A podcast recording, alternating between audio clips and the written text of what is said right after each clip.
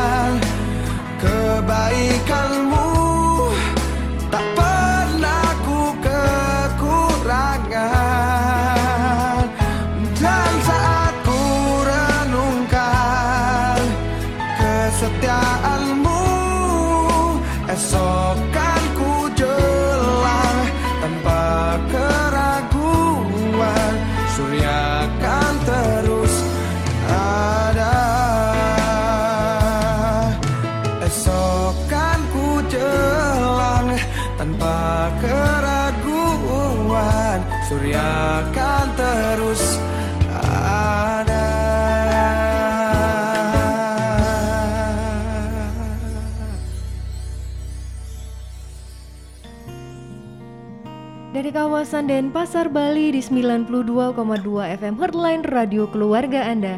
Shalom, selamat malam Sobat Muda yang dikasih oleh Tuhan. Kembali lagi bersama dengan saya Yuna di program New Hope for New Generation, persembahan dari Gereja Kristen Protestan di Bali. Dan tentunya Yuna akan menemani kalian semua dari pukul 20 hingga 21.30 Wita dengan tema Bersukacita dalam Kesulitan. Sobat muda New Hope for New Generation yang dikasih oleh Tuhan Seperti biasa Yuna tidak sendiri ya malam hari ini Telah hadir bersama dengan Yuna kakak pendeta Nara Shalom kak Shalom Kak Yuna. Bagaimana kabarnya kak? Ya puji Tuhan selalu sehat. Puji Tuhan kita bersyukur kakak pendeta Nara bisa hadir bersama kita malam hari ini Dalam keadaan yang sehat dan Yuna percaya juga dalam keadaan yang penuh dengan sukacita Amin. Dan kami berdua juga berharap seluruh pendengar setia New Hope for New Generation ada di dalam keadaan yang sehat, yang penuh dengan sukacita juga. Bagi para pendengar setia harapan eh, New Hope for New Generation, buat teman-teman yang ingin bergabung bersama dengan kami, teman-teman bisa DM kami ya di Instagram di @newhope_for_new_generation sekali lagi @newhope_for_new_generation. Dan buat teman-teman lainnya bisa juga WhatsApp kami di nomor 085739200621. So sekali lagi 085739200621. So tetap station bersama dengan kami 92,2 FM Heartline Radio Keluarga Anda.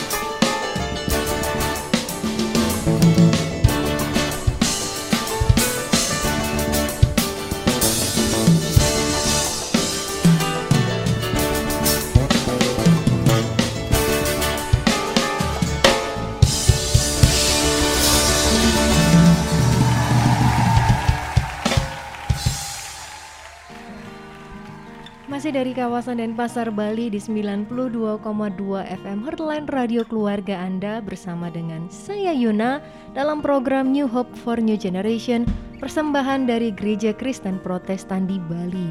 Dan Yuna akan menemani kalian semua hingga pukul 21.30 Wita. Seperti yang Yuna sampaikan tadi Sobat Muda, pada malam hari ini telah hadir bersama dengan Yuna Kakak Pendeta Nara yang akan menyampaikan renungan bagi Sobat Muda sekalian. Jadi pagi sobat muda yang akan mendengarkan renungan bisa siapkan dulu Alkitabnya, bisa siapkan juga catatannya ataupun misalnya Alkitabnya.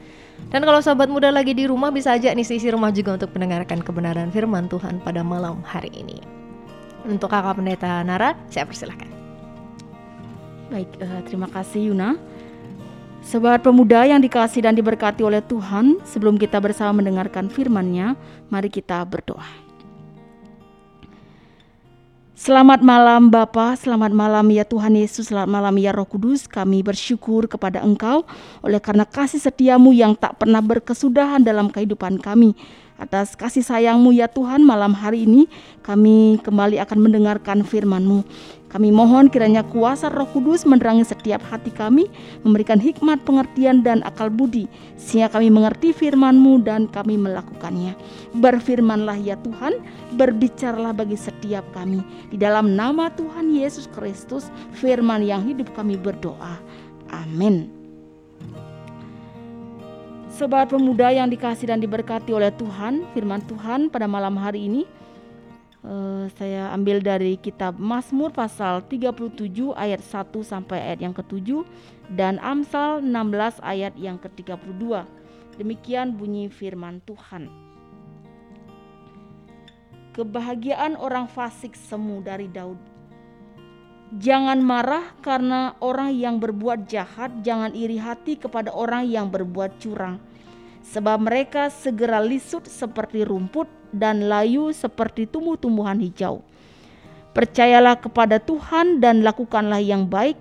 Diamlah di negeri dan berlakulah setia.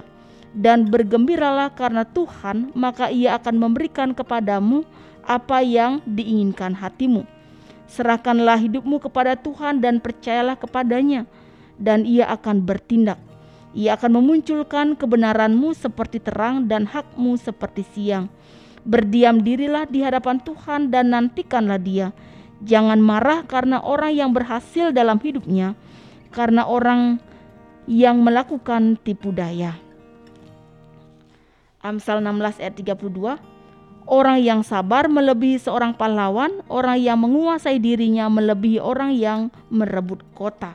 Demikian jawab pembacaan firman Tuhan yang berbahagia adalah setiap kita yang sungguh mendengarkan firman-Nya terlebih yang melakukannya. Sobat pemuda yang dikasih dan diberkati oleh Tuhan, tema yang menjadi uh, perenungan kita pada malam hari ini adalah bersuka cita dalam kesulitan.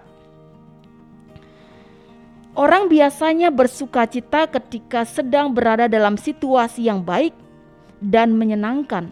Tapi begitu keadaan berubah, berada dalam masalah, kesulitan, atau situasi yang gawat yang tidak mengenakkan, rasa sukacita pun itu bisa hilang seketika. Yang ada tinggallah rasa sedih, muram, kecewa, marah, dan frustasi. Rasul Paulus mengatakan dalam Filipi 4 ayat yang keempat, bersukacitalah senantiasa dalam Tuhan, sekali lagi katakan bersukacitalah.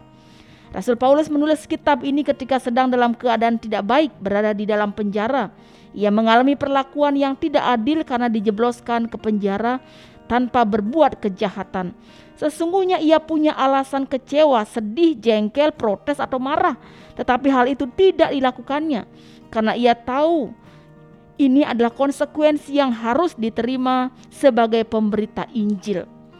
Dalam keadaan baik itu sangat gampang kita bersuka cita, tetapi ketika dalam keadaan tidak baik, tidak menyenangkan, tidak sesuai dengan harapan, tentunya itu sangat sulit untuk kita lakukan. Dan terlebih lagi dalam kehidupan kita, mungkin kita juga merasa jenuh ya, merasa jenuh dengan orang-orang yang ada di sekeliling kita ya. Seperti di kampus, di tempat kerja, setiap saat kita harus berhadapan dengan mereka yang mungkin membuat kita kesal, ya bahkan orang-orang yang rasanya mereka itu orang yang yang tidak baik begitu ya, tapi mengalami hal-hal yang baik dalam hidupnya. Ya. Sehingga kita ini sebenarnya membutuhkan Tuhan yang bisa membuat kita tetap memiliki damai dan bersuka cita. Dikala kita berjumpa dengan orang-orang yang ada di sekitar kita. Ya, namun itu menjadi kesulitan ketika kita tidak mampu menerima keadaan diri, menerima keadaan orang lain, atau menerima keadaan situasi di sekitar kita.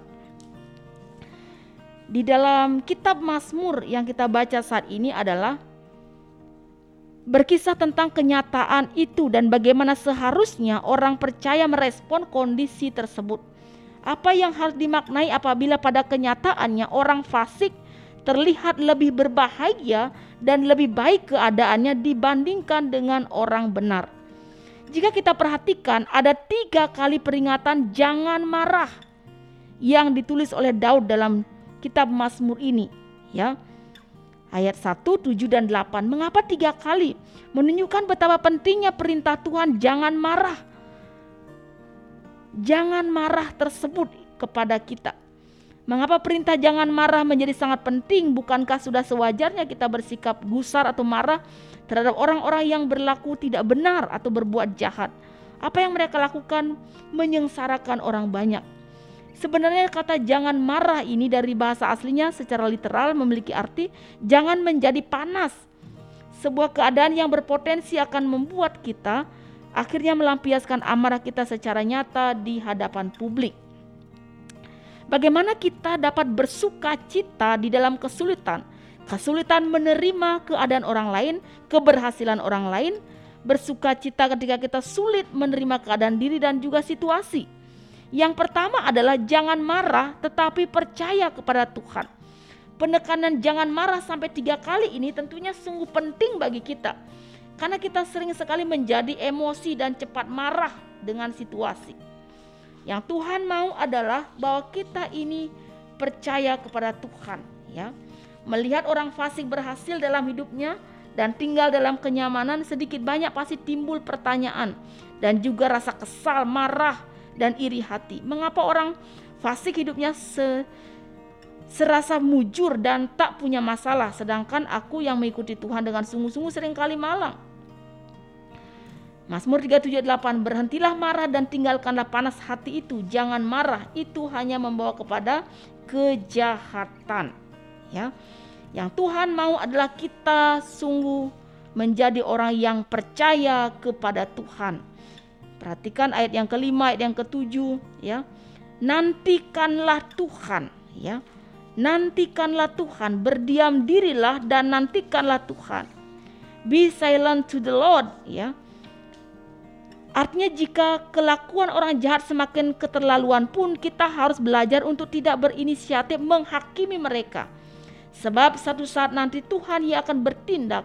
Tuhan Yesus berkata, "Tetapi aku berkata kepadamu, kasihilah musuhmu dan berdoalah bagi mereka yang menganiaya kamu.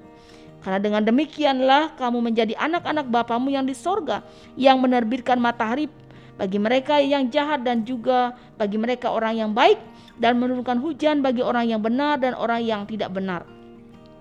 Serahkanlah hidupmu kepada Tuhan dan percayalah kepadanya sebagai manusia yang lemah dan terbatas, kita tidak akan pernah mampu menjalani kehidupan yang keras dan jahat ini seorang diri saja. Beban yang kita pikul terlalu berat jika kita harus menanggungnya sendiri. Untuk itu kita harus menyerahkan hidup kita di dalam perlindungan Tuhan. Artinya jangan pernah kita mengambil keputusan hidup kita tanpa memohon perkenanan Tuhan.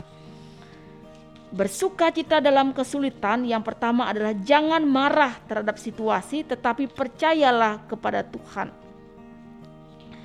Kembali lagi seperti Rasul Paulus yang mengajarkan umat Tuhan untuk tetap bersuka cita sekalipun dalam penderitaan dan berjerih lelah dalam melayani. Karena Bapak Ibu dalam penelitian juga ya sobat pemuda jika orang gampang marah, cemas, takut, tertekan maka otaknya akan segera mengeluarkan noradrenalin yaitu hormon yang sangat beracun yang dapat membuatnya mudah sakit dan cepat tua. Sebaliknya jika seorang menghadapi segala sesuatu dengan sikap positif, otaknya akan mengeluarkan hormon beta endorfin yang memperkuat daya tahan tubuh, menjaga sel otak tetap muda, melawan penuaan, menurunkan agresivitas dalam hubungannya dengan sesama, meningkatkan semangat dan daya ketahan dan kreativitas diri. Ya, apalagi dalam situasi pandemi COVID-19 ini tentunya banyak hal kesulitan yang terjadi. Jangan sampai karena kita marah dengan situasi imun kita menjadi turun ya. Jangan marah tetapi percaya kepada Tuhan. Itu yang pertama. Kemudian yang kedua, bagaimana kita bersuka cita di dalam kesulitan. Yang kedua adalah jangan marah tetapi sabar. Nah, ini ya. Yang kedua adalah kita sabar. Tadi percaya kepada Tuhan yang sekarang sabar. Orang yang sabar melebihi seorang pahlawan, orang yang menguasai dirinya melebihi orang yang merebut kota. Amsal 16 ayat 32. Pahlawan di mana pun dikenal dengan kegigihan mereka memperjuangkan sesuatu hingga titik darah terakhir. Tidak jarang para pahlawan ini harus gugur di medan perang mengorbankan segala yang mereka miliki dalam berjuang. Karena itulah nama pahlawan akan selalu harum dikenal sepanjang masa. Coba lihat kita buku anak-anak kita atau adik-adik kita atau teman-teman kita ada banyak nama pahlawan di sana dengan rincian perjuangan mereka. Tidak mudah untuk bisa menjadi seorang pahlawan. Semua orang ingin menjadi pahlawan, namun tidak semua orang bisa mencapainya. Tapi jika Alkitab mencatat bahwa ada orang yang bisa melebihi kehebatan seorang pahlawan atau bahkan melebihi orang yang berhasil merebut sebuah kota, Sekalipun seperti dalam bacaan ini pada ayat hari ini, orang yang sabar melebihi seorang pahlawan, orang yang menguasai dirinya melebihi orang yang merebut kota. Itu artinya ada sesuatu yang sangat penting yang harus kita miliki dalam diri kita. Tidak semua orang bisa menjadi pahlawan, tapi semua orang bisa lebih dari seorang pahlawan. Ini kata Alkitab. Hal itu tidak lain adalah kesabaran. Sadarkah kita bahwa kita hidup di zaman yang menuntut segala sesuatu serba cepat? Makanan fast food terus tumbuh subur, koneksi internet harus berkecepatan tinggi, mobil harus secanggih mungkin, bermesin besar, bertenaga besar agar bisa mendorong kendaraan untuk lebih maju, melaju sekencang-kencangnya. Buruh dituntut bekerja secepat-cepatnya dengan upah yang serendah mungkin. Jasa kurir terus berlomba menyediakan layanan paling cepat sehingga sehari sampai ke seluruh pelosok daerah. Jika tidak, maka mereka akan tertinggal dan dilupakan orang. Orang tidak lagi sabar menghadapi kemacetan dan antrian. Jika dulu dikatakan time is money, sekarang time is a lot more than money. Kalau Anda ingin sukses, cepatlah bertindak. Demikian kata seorang motivator. Semua ini membuat kita terus berlomba untuk semakin cepat. Efek sampingnya kita terbentuk menjadi orang-orang yang tidak sabaran dalam segala hal, termasuk dalam hal rohani. Seorang yang kuat fisik mungkin badannya besar dan berotot belum tentu juga kuat secara roh dan mampu menguasai dirinya. Kita bisa belajar dari seorang tokoh Alkitab Simpson di mana Alkitab mencatat bahwa ia sangat kuat bahkan mampu mengalahkan ribuan orang Filistin dan menguasai sebuah kota. Tapi Simpson tidak berdaya di hadapan Delilah ia tak mampu mengendalikan nafsu kedagingannya sehingga dengan mudahnya ia diperdaya oleh seorang wanita sehingga ia menceritakan rahasia kekuatannya. Maka akibat tidak dapat menguasai diri, Simpson harus mengalami nasib yang tragis. Simpson tak dapat disebut sebagai orang yang kuat dalam roh, jadi penguasaan diri seseorang itu lebih utama daripada kekuatan fisik karena itu berhubungan dengan karakter.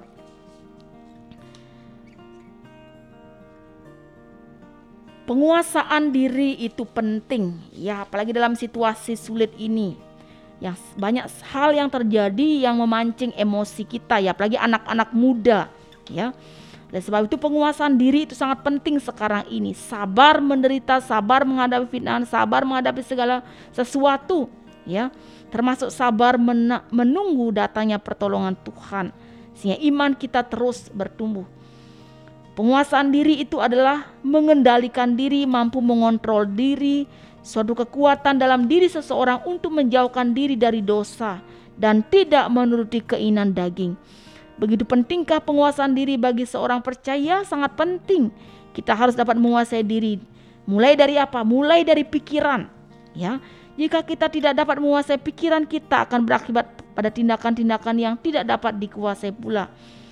Jika kita tidak bisa menguasai pikiran kita, pikiran kita pun akan dipenuhi oleh hal-hal yang negatif yang pastinya akan berdampak pada perbuatan negatif pula.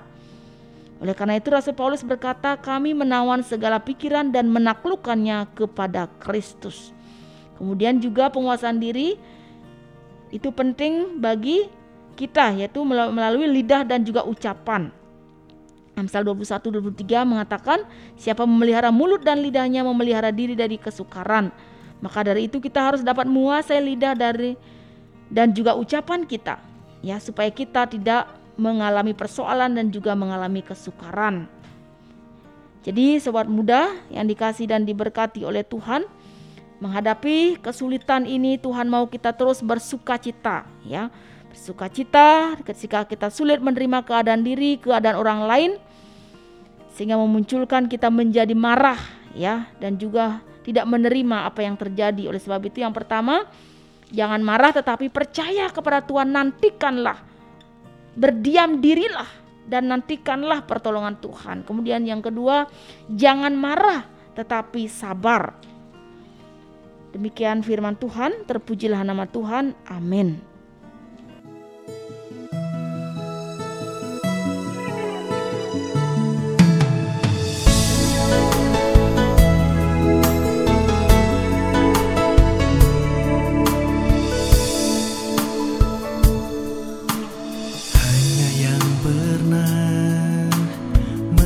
rasakannya Tahu duri dalam dagingku.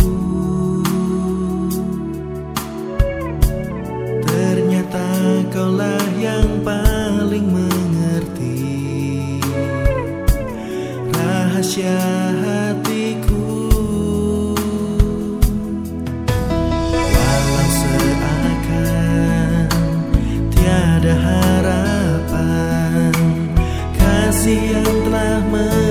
aqui.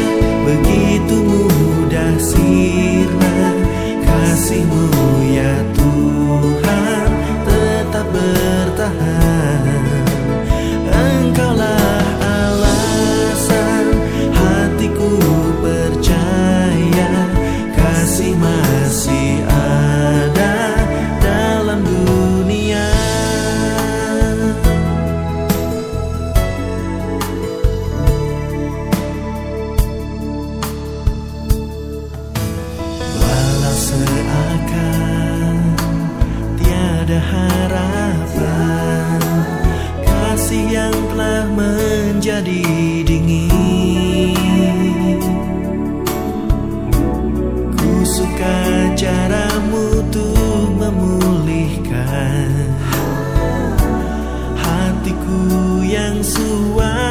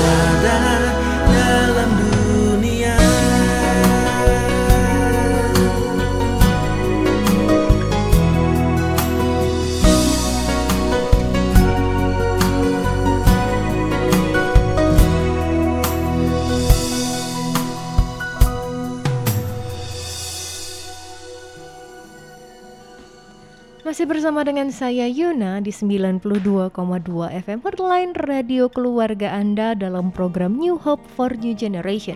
Persembahan dari Gereja Kristen Protestan di Bali dan tentunya Yuna tetap menemani kalian semua hingga pukul 21.30 Wita dengan tema Bersukacita dalam Kesulitan. Sobat muda New Hope for New Generation tadi kita sudah sama-sama mendengarkan kebenaran firman Tuhan yang disampaikan oleh Kakak Pendeta Nara jadi seperti yang kita tahu bahwa situasi ataupun keadaan itu selalu berubah ya kak ya. Hmm, betul. Nggak kayak handphone, handphone aja bisa berubah gitu. Hmm. Beda tahun, beda zaman handphone berubah. Tren baju juga berubah hmm. kan begitu.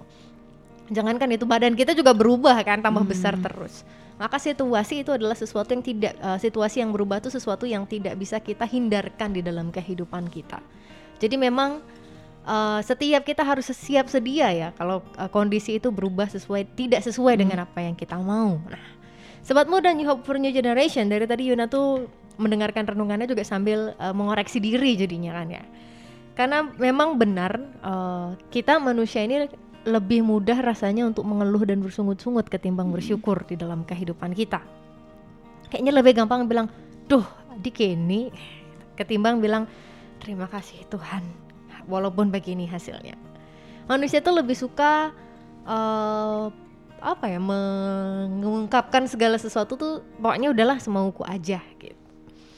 Karena sobat muda New Hope for New Generation uh, dari yang disampaikan oleh Bu Pendeta tadi bahwa ketika kita menghadapi perubahan-perubahan di dalam kehidupan kita terlebih lagi kita lagi di training Tuhan ya kalau menurut Yuna. Setahun ini kita sudah mengalami masa yang sangat sulit mungkin dalam kehidupan kita kita udah dibatasin terbatas untuk melakukan segala sesuatu hmm. keadaan ekonomi juga gonjang ganjing kesehatan apalagi belum lagi politik dan segala sesuatunya istilahnya pemasukannya ini lagi fluktuatif tapi pengeluarannya terus hmm. ngegas ada hmm. aja begitu kan ya dalam dalam kehidupan kita nah satu poin besar yang disampaikan oleh Kak Pendeta Nara tadi itu adalah sebenarnya yang menjadi masalah nih bagi setiap kita di dalam era ini itu adalah penerimaan penerimaan terhadap kondisi diri, penerimaan terhadap situasi dan kondisi yang ada di luar kita. Nah, yang menjadi pertanyaan pertama buat uh, pendeta yang akan didiskusikan pada malam hari ini itu adalah apa sih kak yang membuat kita tuh kayaknya susah banget untuk menerima kondisi-kondisi yang nggak sesuai sama keinginan kita, kondisi-kondisi yang kayaknya, duh ini suka san gitu, hmm. sulit sekali gitu kak. Apa sih yang membuat gitu kak? Ya, terima kasih ya Yuna ya. Tentunya kalau uh, berbicara tentang situasi apalagi sekarang ini ya, tentunya banyak orang sebenarnya dalam dirinya dalam batinnya tuh memberontak ya. ya. Aduh, ndak mau gitu kan. Karena sangat berat sekali situasi seperti sekarang ini. Nah, sekarang pertanyaannya bagaimana kita bisa menerima? Ya, tentunya kita sebagai orang percaya kembali lagi kita merenungkan uh, apa kasih Tuhan, ya kasih Tuhan kita harus melihat segala sesuatunya itu dari segi positifnya begitu ya. Apalagi sebagai orang yang percaya kita harus melihat uh, uh, semuanya dari perspektif Tuhan bahwa dalam segala sesuatu itu pasti ada rencana Tuhan. Ya sekalipun memang ini sangat berat dan membuat kita selalu ingin melawan ingin berontak dan ingin uh, semuanya ini cepat balik ke baik kembali ya. Ingin balik ke uh, seperti yang dulu begitu ya. Maunya yang baik-baik saja. Nah Bagaimana kita bisa menerima? Ya, tentunya yang pertama adalah itu harus dimulai dari diri sendiri, ya. Bisa menerima keadaan di lingkungan kita dan di luar diri kita, tentunya itu ada dimulai dari diri sendiri, ya. Dari, dari diri sendiri itu bagaimana? Ya dimulai dari bagaimana kita menerima bahwa Tuhan ada di situ, ya. Tuhan ada dalam setiap segala sesuatu yang terjadi, ya. Sehingga kita ketika kita sudah menerima, ya, uh, di dalamnya ada rencana Tuhan, maka di situ kita akan dapat bersyukur ya seperti Yuna sudah katakan tadi lebih mudah bersungguh-sungguh daripada bersyukur. Jadi bagaimana kalau uh, supaya kita tidak bersungguh-sungguh sebenarnya kebalikannya bersyukur gitu kan. Bagaimana bisa menerima keadaan ini? Yang tentunya adalah kita harus bersyukur ya, bersyukur uh, menghadapi segala sesuatu saat ini ya mungkin karena tidak ada uang ditinggal pacar gitu nggak nggak pernah ketemu aduh nggak pernah ada malam mingguan gitu kan. Jadi di situ kita harus uh, benar-benar melihat ada ada Tuhan ada rencana Tuhan di situ sehingga kita dapat bersyukur. Kemudian yang kedua adalah kita bisa menerima ketika kita mengurangi untuk menuntut gitu ya. Nah, nah ini sukanya menuntut ya. Pasangan juga uh, pacar lagi pacaran sudah menuntut. Kalau kamu cinta saya kasih saya ini gitu kan. Uh, jadi uh, inginnya sesuatu tuh uh, ada timbal balik seperti itu ya bahkan tidak seimbang dan inginnya kalau orang menuntut tuh tentunya pasti mau yang lebih gitu kan mau yang lebih ya satu minta dua dua minta tiga jadi itulah membuat kita tidak bisa menerima ya yang pertama, kenapa kita tidak bisa menerima? Oleh karena kita tidak melihat rancangan Allah di dalamnya. Kemudian yang kedua, kenapa kita tidak bisa menerima? Karena kita sukanya selalu menuntut begitu ya, Kak Yuna ya. Jadi uh, hanya itu yang bisa disampaikan. Bagaimana bisa bersyukur, bagaimana tidak menuntut dan percaya bahwa ada Tuhan dalam setiap apa pun yang terjadi dalam kehidupan kita.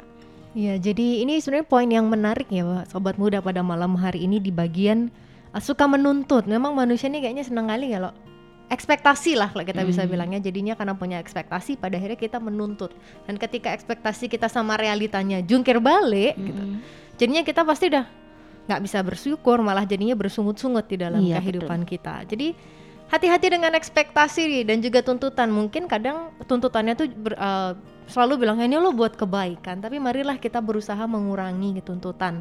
Kan apalagi kalau tuntutannya tuh harus ada timbal balik. Ini emang di pegadian apa gimana ini? Kemudian tadi Yuna juga uh, uh, dengar dari Kak Nara tuh bilang bahwa sebenarnya kita tuh seringnya fokusnya sama sulitnya itu sampai lupa kalau sebenarnya Tuhan itu ada kok walaupun di masa hmm. sulit gitu. Jadi kita terlalu fokus nah, sing lapis gitu loh. Padahal Tuhan sudah siapkan mungkin berbagai cara ya untuk kita bisa tetap makan di hari itu. Orang uh, burung aja Tuhan pelihara ya nggak bekerja apalagi kita kan Tuhan pasti pelihara. Kemudian ini nih manusia nih memang nih maunya baik-baiknya aja nak. Jangan-jangan ada dogen gitu kan hmm. dibilang kan. Maunya yang enak-enaknya aja. Padahal suka dan duka itu dipakai dua-duanya untuk kebaikan kita. Maunya yang enak tapi nggak mau yang nggak enaknya ya nggak bisa sobat muda. Sama kayak kita belanja produk ya itu 50-50 gitu kan. Kita mau produk yang terbaik tapi no one knows kalau kita dapat yang zong kemudian uh, Yuna juga bisa um, menambahkan nih, mungkin setiap kita kenapa sih kita su uh, kadang suka susahan untuk menerima situasi yang sulit itu karena jenuh gitu kali ya Bu Pendeta ya. Hmm, betul, Apalagi Uh, kita dalam kondisi pandemi ini kayaknya kayak tadi yang Bu Pendeta sama pengennya kapan sih balik nih gitu, hmm. gitu. Terlalu sudah sangat jenuh mungkin. Terlalu Makanya, lama. Ya. Terlalu lama jadi kayak kita aduh males ah gitu. Aduh, jadi hmm. aduh-aduhnya aja yang semakin besar bukan terima kasihnya yang semakin mm-hmm. besar. Padahal kita sudah bisa lewati satu tahun itu yang tidak mudah itu dengan anugerah dan pertolongan Tuhan tentunya. Ini juga mau nambahkan nih sobat muda. Kenapa sih kita jadi susah menerima kondisi yang uh, sulit? Itu karena kita suka komparasi kalau dari firman Tuhan tadi yang disampaikan sama Pak Pendeta Nara. Kita selalu ngeliat yang ah itu loh gitu enak tahu gitu. Atau itu loh yang lebih bagus. Kita lupa kalau ada kok orang di bawah hmm. yang yang tidak seberuntung kita mungkin tapi rasa syukurnya lebih besar dibanding kita jadi kita suka kali ya compare-compare ya kak. Ya kak ya makanya bandingkan hmm, suka membanding-bandingkan. Makanya kayak tadi disampaikan di firman Tuhan di awal kan kok dia yang hidupnya nggak taat kok diberkati aja kayaknya rasanya hmm. enak sekali kok aku yang hidupnya taat nih susah kali hidupku ya gitu. Padahal sebenarnya nggak begitu. Jadi terlihat begitu karena kita mau komparasinya hmm. begitu gitu lah. Jadi sobat muda yang dikasih oleh Tuhan sebenarnya banyak sekali ya eh, alasan yang membuat kita sulit untuk menerima keadaan sulit dan semuanya itu berasal dari diri sendiri. Jadi memang kalau gimana supaya kita bisa menerima kondisi sulit itu ya mulailah dari diri sendiri. Lihat lagi ke dalam hatinya, uh, pikir, uh, selidiki lagi pikirannya, apakah memang gak bisa berubah? Lo bisa. Kita lagi di training kok sama Tuhan untuk bisa menjadi pribadi yang lebih baik. Terus dimampukan untuk bisa menjadi pribadi yang lebih baik di dalam kehidupan kita. Baiklah sobat muda yang dikasih oleh Tuhan, memang kita manusia yang sukanya nih serba instan. Ada junk food, ada, uh, ada apalagi sekarang ada grab food, ada go food, wah perlu ke mana-mana, semuanya bisa serba instan di dalam kehidupan kita. Tapi pada malam hari ini kita akan bersama-sama juga um, kembali mendalami, kembali kita akan melihat kalau kita sudah tahu nih apa sih yang membuat kita sulit men, uh, sulit sangat sulit untuk menerima diri sendiri sulit sekali juga untuk menerima kondisi yang kita alami apalagi hal-hal yang sulit. Sekarang kita mau sama-sama belajar lebih dalam lagi nih. Tadi Bu Pendeta sudah sampaikan dua hal uh, terkait dengan bagaimana kita bisa bersuka cita di dalam kesulitan. Yang pertama itu kita harus percaya jangan marah tetapi percaya kepada Tuhan. Yang pertama. Dan yang kedua tuh tadi adalah jangan marah tetapi sabar. Nah, Bu Pendeta, gimana sih caranya supaya kita nggak marah nih nggak bisa jangan marah ini? Nih ini agak-agak sulit nih yang apalagi anak-anak muda yang emosinya masih meletup-letup kayak volcano. Jadi kadang kalau dikasih tahu tuh kayak, kayak ah marah tuh susah. Nggak nggak marah tuh susah. Apalagi uh, tandingannya itu adalah setelah kita jangan marah kita harus bisa sabar kita harus percaya Tuhan dan paling terakhir harus hmm. bisa mengendalikan diri atau pengendalian diri yang itu adalah salah satu buah roh yang paling belakang yang hmm. Yuna ingat itu hal yang paling juga yang cukup sulit untuk dilakukan di dalam kehidupan kita bagaimana sih bu supaya kita gimana caranya nggak marah orang kesel kok orang ini sulit kok kita gitu. ya uh, terima kasih ya kak Yuna jadi uh, kalau kita melihat situasi sekarang ini ya memang uh, banyak yang membuat kita menjadi cepat marah ya apalagi dalam uh, uh, sebagai anak-anak muda ya seumuran anak-anak muda itu emosinya tuh lagi apa lagi nggak stabil Meletup, gitu kan uh, ya meledak-ledak kayak gitu ya. Nah, bagaimana supaya kita ini bisa jangan marah ya. Jadi oh, memang uh, orang itu setiap orang tuh berbeda-beda ya. Ada yang orangnya bisa pemendam, ada bisa juga yang langsung mengungkapkan gitu kan. Ada yang orang yang lebih bisa menerima, ada orang yang tidak bisa menerima. Jadi orang itu beda-beda. Nah, jangan marah itu sebenarnya kembali lagi kepada bagaimana orang itu dipimpin oleh Roh Kudus gitu kan. Nah, kembali lagi bahwa uh, kedekatan kita dengan Tuhan itu sangat menentukan bagaimana respon kita terhadap masalah begitu kan. Sejauh mana kedekatan kita dengan Tuhan itu sangat menentukan respon kita kepada masalah. Jikalau hubungan kita dengan Tuhan tidak baik ya, tidak pernah berdoa, tidak tahu firman Tuhan, ya, tidak pernah persekutuan gitu kan seberapa firman yang boleh kita dengar, yang sering kita dengar, yang tertanam dalam hati, nah itu sangat menentukan sekali respon kita terhadap masalah. Nah, jangan marah. Jadi tidak bisa uh, ditentukan oleh uh, orang tua, tidak ditentukan oleh pacar gitu kan, tidak ditentukan oleh teman, tidak bisa. Kalau memang sudah suka marah ya marah begitu. Nah, jadi kembali kepada pribadi orang itu sejauh mana dia uh, memiliki hubungan dengan Tuhan sehingga hidupnya itu dipimpin oleh firman, dipimpin oleh Roh Kudus gitu kan. Kembali lagi kepada pengendalian diri tadi yang Yuna sampaikan. Bagaimana pengendalian diri adalah salah satu buah roh yang paling penting ya, menguasai diri, penguasaan diri. Jadi mengendalikan uh, nafsu untuk berkata kasar mungkin, untuk berbuat jahat, segala macam dosa itu ada di pengendalian diri itu. Kalau sudah bisa mengendalikan diri, maka tidak akan terjadi hal-hal yang uh, fatal berikutnya. Apalagi marah sampai berbuat dosa kan dengan action, dengan tindakan seperti itu. Jadi jangan marah. Bagaimana kita bisa tidak marah? Tentunya dengan apa? Dengan uh, tetap uh, menjaga bagaimana hubungan dengan Tuhan, gitu kan? Hubungan dengan Tuhan lebih banyak merenungkan firman kemudian lebih banyak berdoa sehingga Roh Kudus yang akan terus mengendalikan, menguasai dan juga memenuhi kehidupan kita ya khususnya pemuda-pemudi.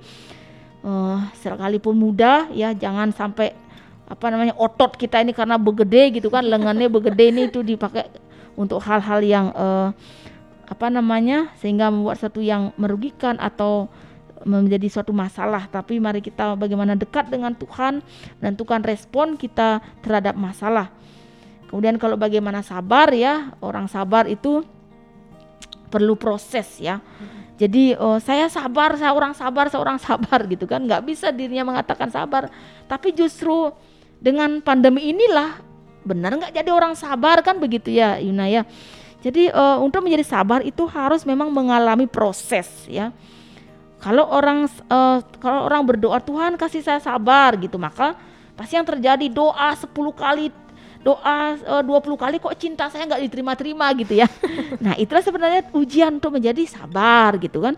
Untuk menjadi sabar. Jadi bagaimana menjadi orang sabar tentunya adalah bahwa kita menikmati setiap proses itu. Proses itu ya yang tidak hanya baik-baik saja seperti di awal tadi ya yang ada suka duka, ada yang mengecewakan, melukai dan lain sebagainya sehingga menjadi sabar. Ya, itu Yuna. Ya, para sobat muda ini guys oleh Tuhan. Jadi sebenarnya uh, tidak marah itu memang cuma diri kita yang bisa mengontrol ya. Dan uh, dari yang disampaikan sama Pendeta Nara itu yang paling besar adalah bagaimana kedekatan kita dengan Tuhan. Karena ya kalau uh, itu juga mempengaruhi bagaimana cara kita merespon terhadap sebuah masalah.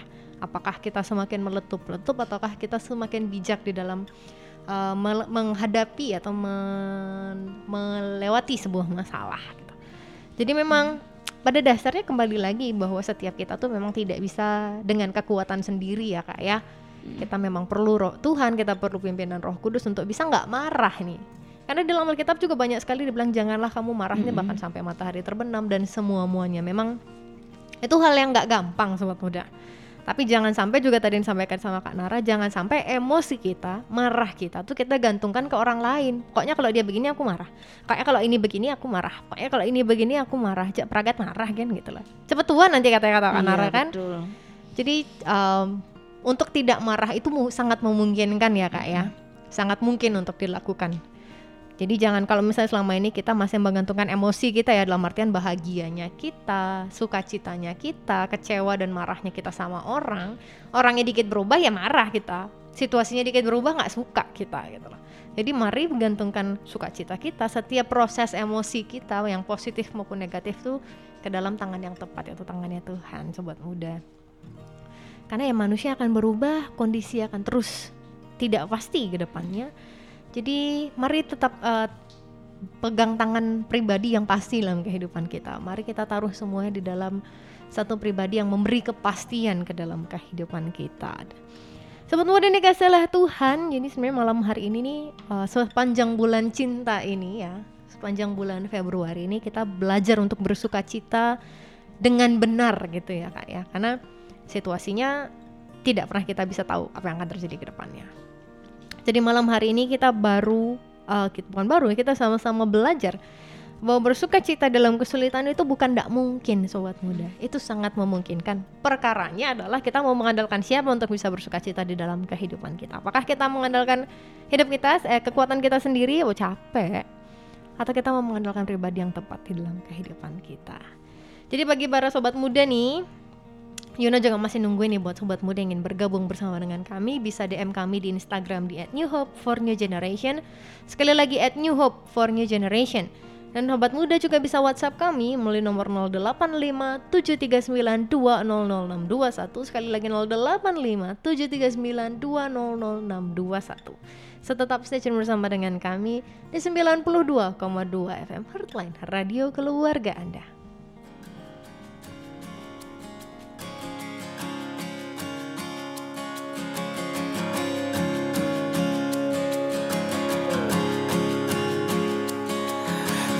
Splendor of a king, clothed in majesty. Let all the earth rejoice, all the earth rejoice. He wraps himself in light, and darkness tries to hide trembles at his voice, trembles at his voice. How great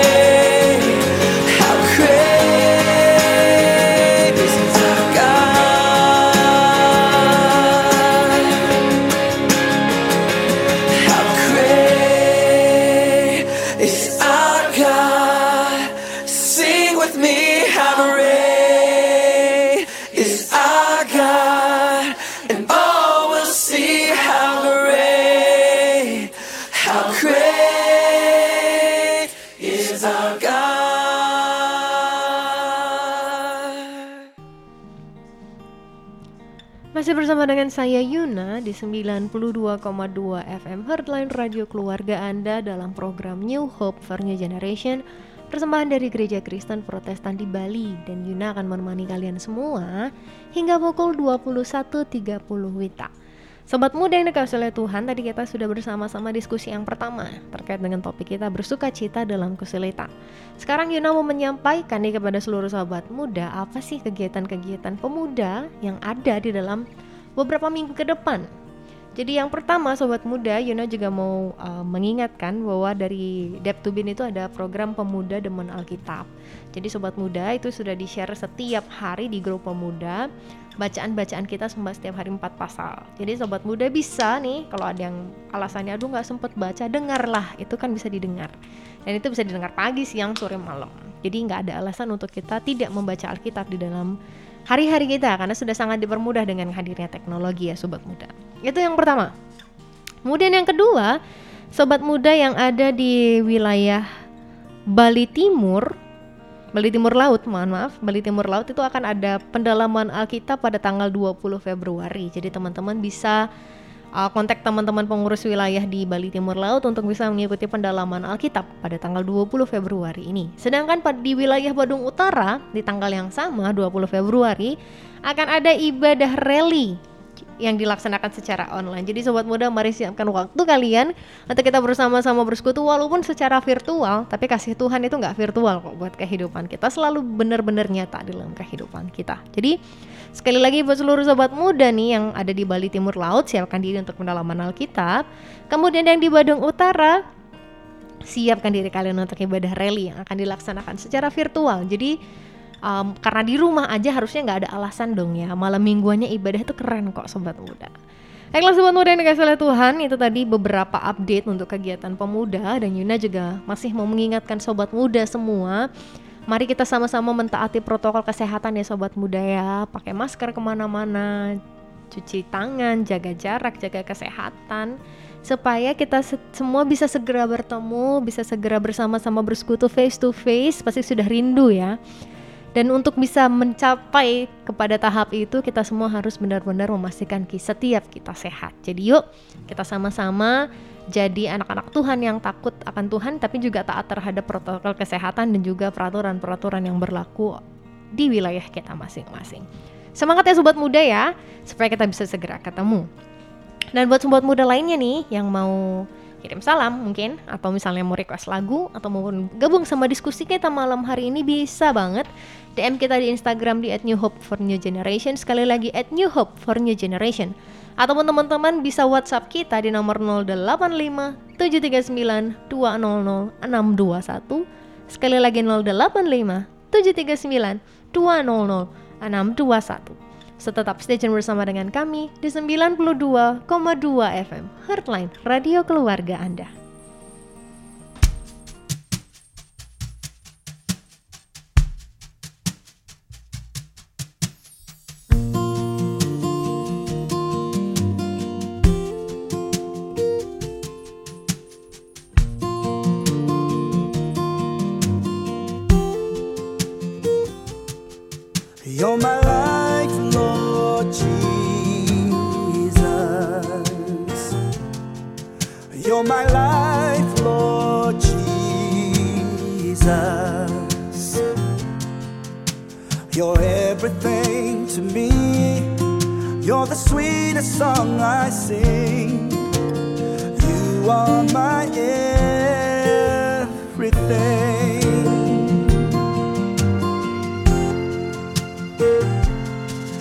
You're my life, Lord Jesus. You're my life, Lord Jesus. You're everything to me. You're the sweetest song I sing. You are my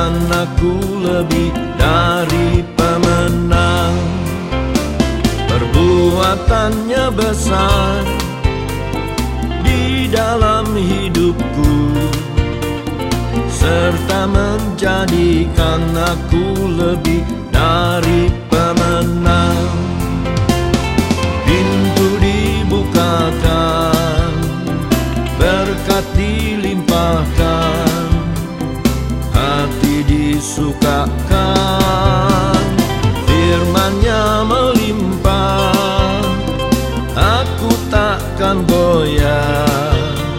Sebab Yesus jadikan aku lebih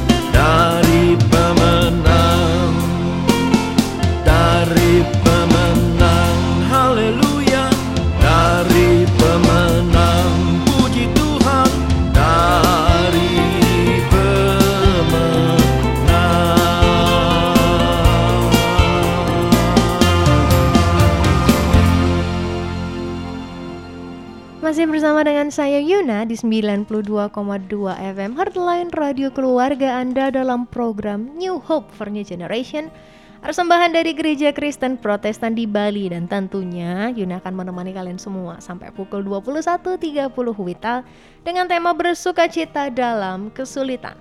Sobat muda yang dikasih oleh Tuhan, tadi di diskusi yang pertama kita sudah mencari tahu apa yang sih yang buat kita kayak susah banget untuk terima hal-hal yang sulit ya, ini kesulitan ataupun menerima kondisi-kondisi yang tidak menyenangkan. Dan kita sudah bersama-sama cari tahu bahwa gimana sih harusnya supaya kita nggak gampang marah dan bisa mengendalikan diri sebagai cara supaya kita bisa menerima kondisi-kondisi yang tadi. Dan sekarang biar nggak nanti ada yang bilang ah Yuna nih enak kali emang ngomong enak aja memang kalau ngasih tahu. Nah sobat muda kita mau sama-sama cari tahu nih malam hari ini apa sih manfaatnya bersuka cita dalam kesulitan? Jadi kalau misalnya selama ini ah males ah orang nggak ada manfaatnya hello stop dulu. Kita hari ini malam-malam akan sama-sama cari tahu nih apa manfaatnya bersuka cita di dalam kesulitan? Gimana kak? Apa sih manfaatnya kak? Iya, eh apa ya? eh, kalau ada satu yang mengatakan kan usaha eh, hasil tidak pernah menipu usaha ya. Usaha, tidak usaha usaha tidak mengkhianati hasil Oh, usaha tidak mengkhianati hasil ya. Jadi seperti yang katakan tadi bahwa apa pun itu pasti ada manfaatnya ya. Kalau sudah ada manfaatnya jelas pasti kita akan melakukannya kan begitu ya. Betul. Kalau sesuatu yang nggak berguna pasti kita malas ogah-ogahan kan begitu. Nah, bersukacita dalam kesulitan ya.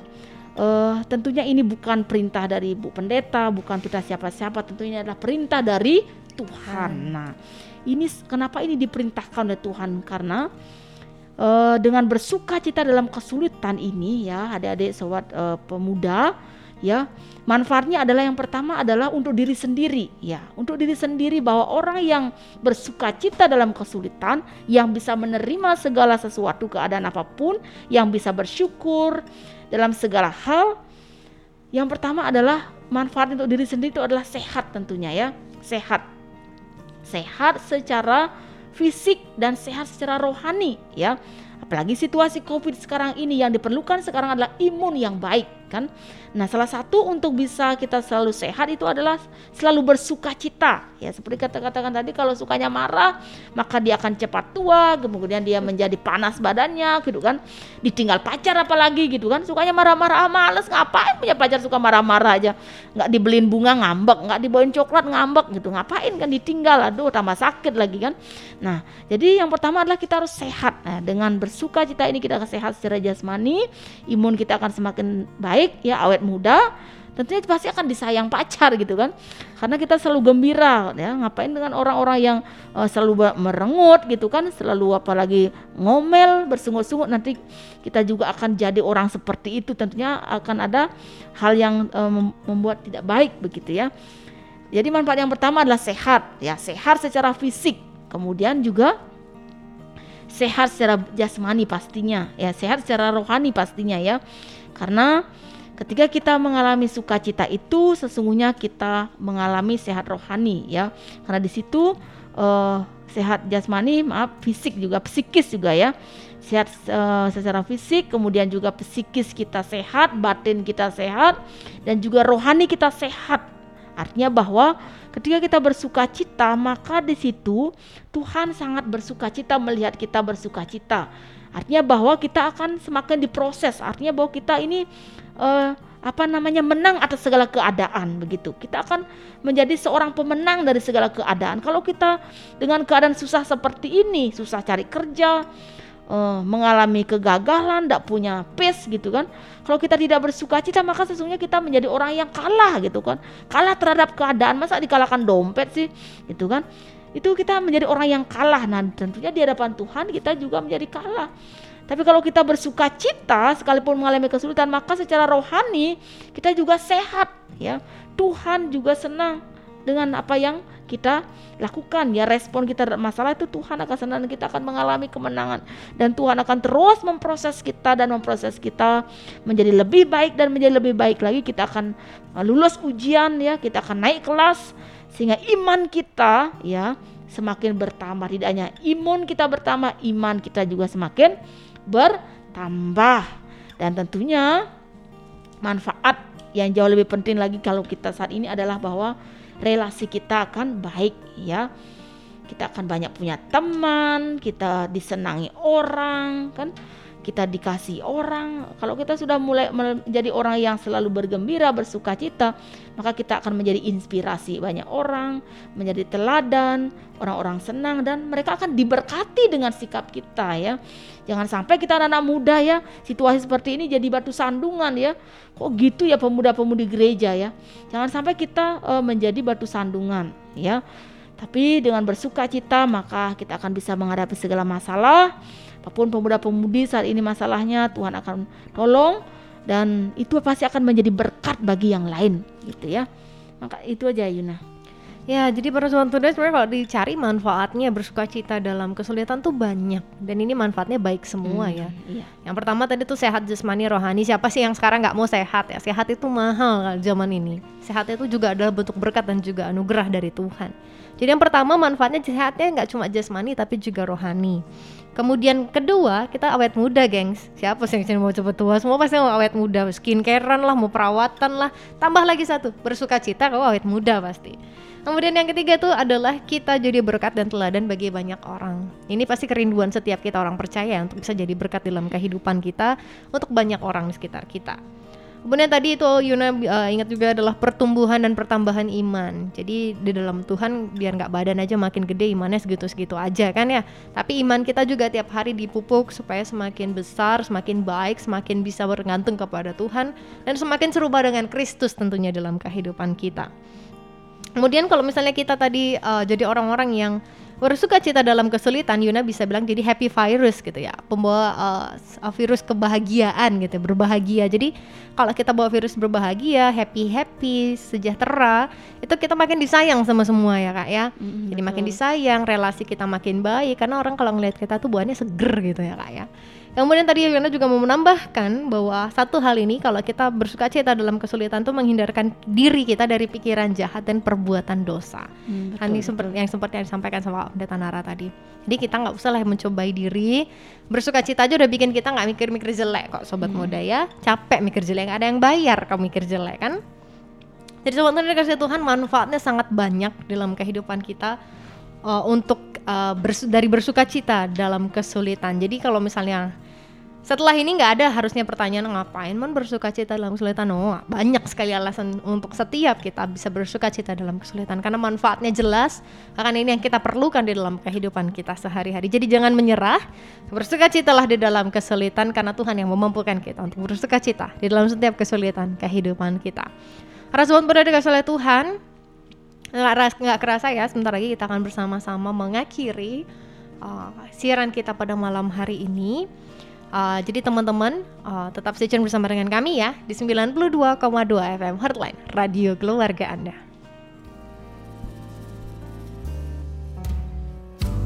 Datang ya Bapa dalam kerinduan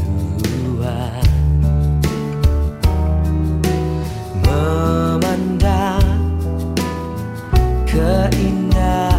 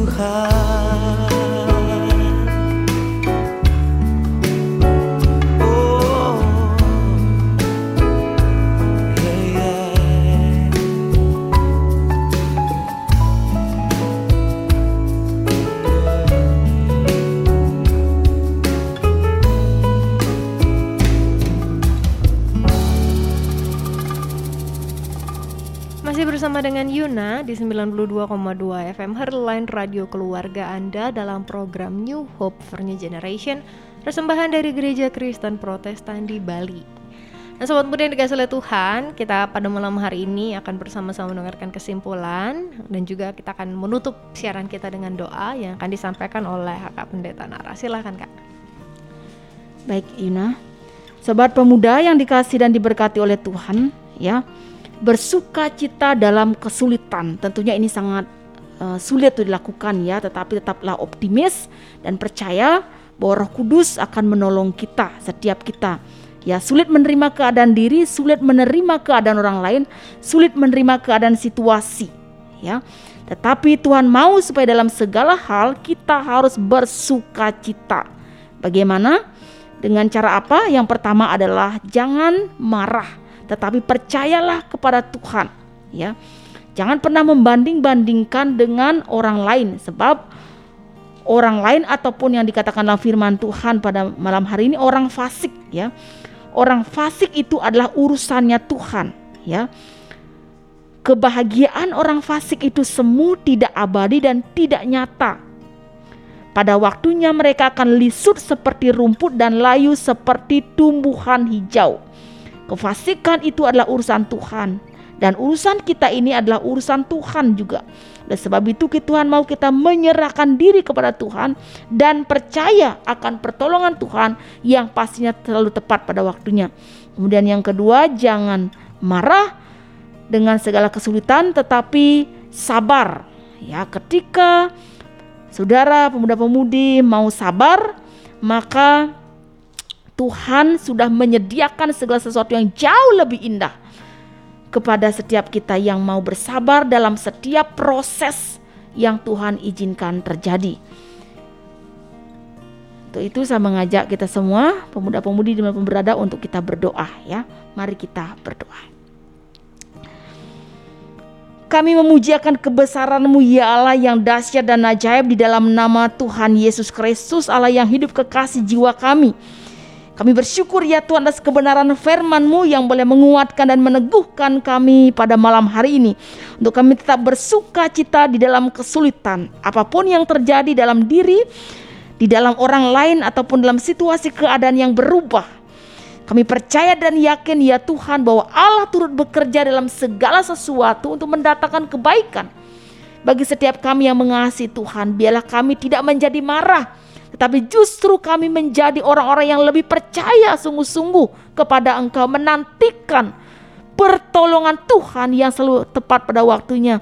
Dan bela kami juga tidak menjadi marah tetapi menjadi orang-orang yang sabar. Sebab ketika kami bertahan dalam kesesakan maka kami akan mengalami kemenangan. Bahkan janji Tuhan akan tergenapi bagi setiap kami.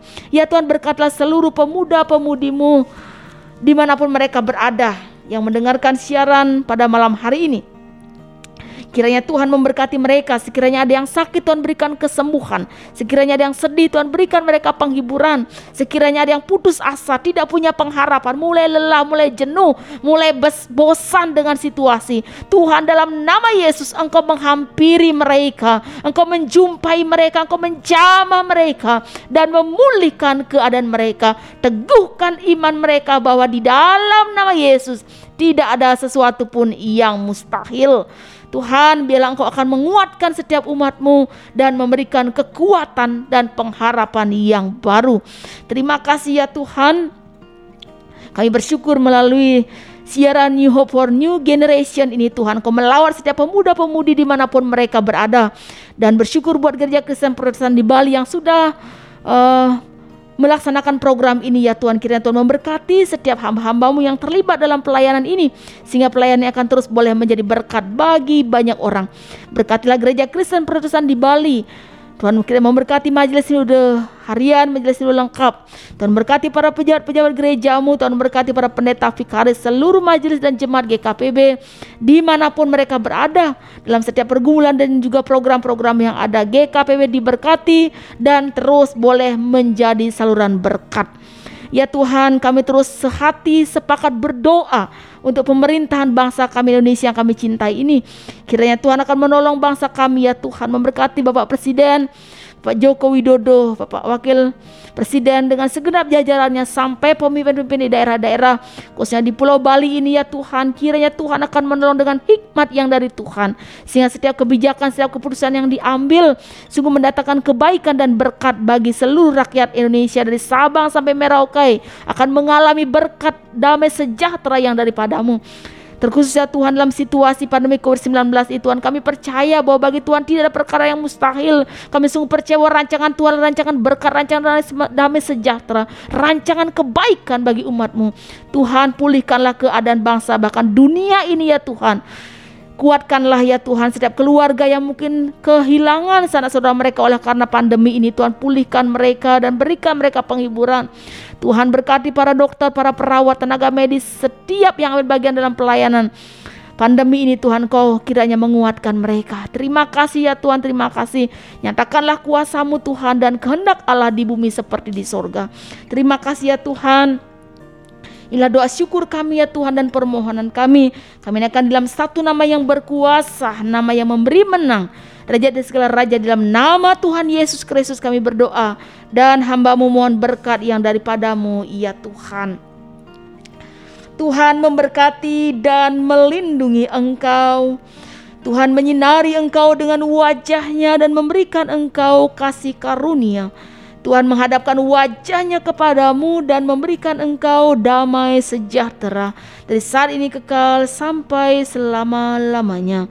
Haleluya. Amin. Sobat muda New Hope for New Generation yang dikasih oleh Tuhan Sampailah kita di penghujung acara kita pada malam hari ini kami mengucapkan terima kasih kepada kakak pendeta Nara Terima kasih banyak ya kak Iya sama-sama Yuna Kiranya Tuhan Yesus memberkati pelayanan kakak, pekerjaan kakak, dan juga keluarga kakak dan Yuna juga mengucapkan terima kasih banyak buat semua sobat muda yang sudah bergabung bersama dengan kami pada malam hari ini ataupun sobat muda yang sudah sangat setia mendengarkan kami setiap hari Kamis. Jadi sekali lagi ini Yuna juga mau mengingatkan setiap hari Kamis pukul 20 hingga 21.30 Wita. Jangan lupa nantikan kami hanya di 92,2 FM Heartline Radio Keluarga Anda. Dan program ini diselenggarakan dengan kerjasama oleh Gereja Kristen Protestan di Bali. Dan pada akhirnya, dari kawasan Denpasar, Bali di 92,2 FM Heartline Radio Keluarga Anda.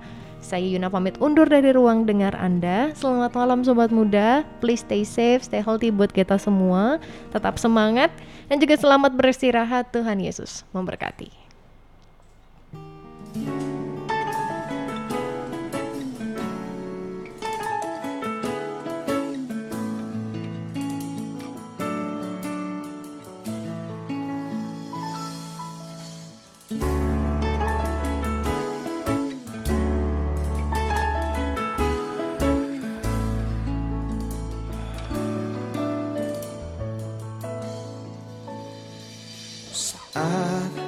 Mataku memandang keajaiban karyamu.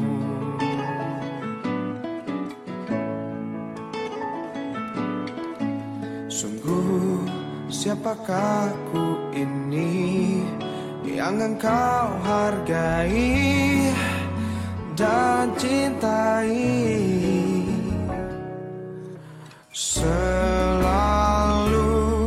saat ku kebaikanmu Tak pernah ku kekurangan. Dan saat ku renungkan Kesetiaanmu Esok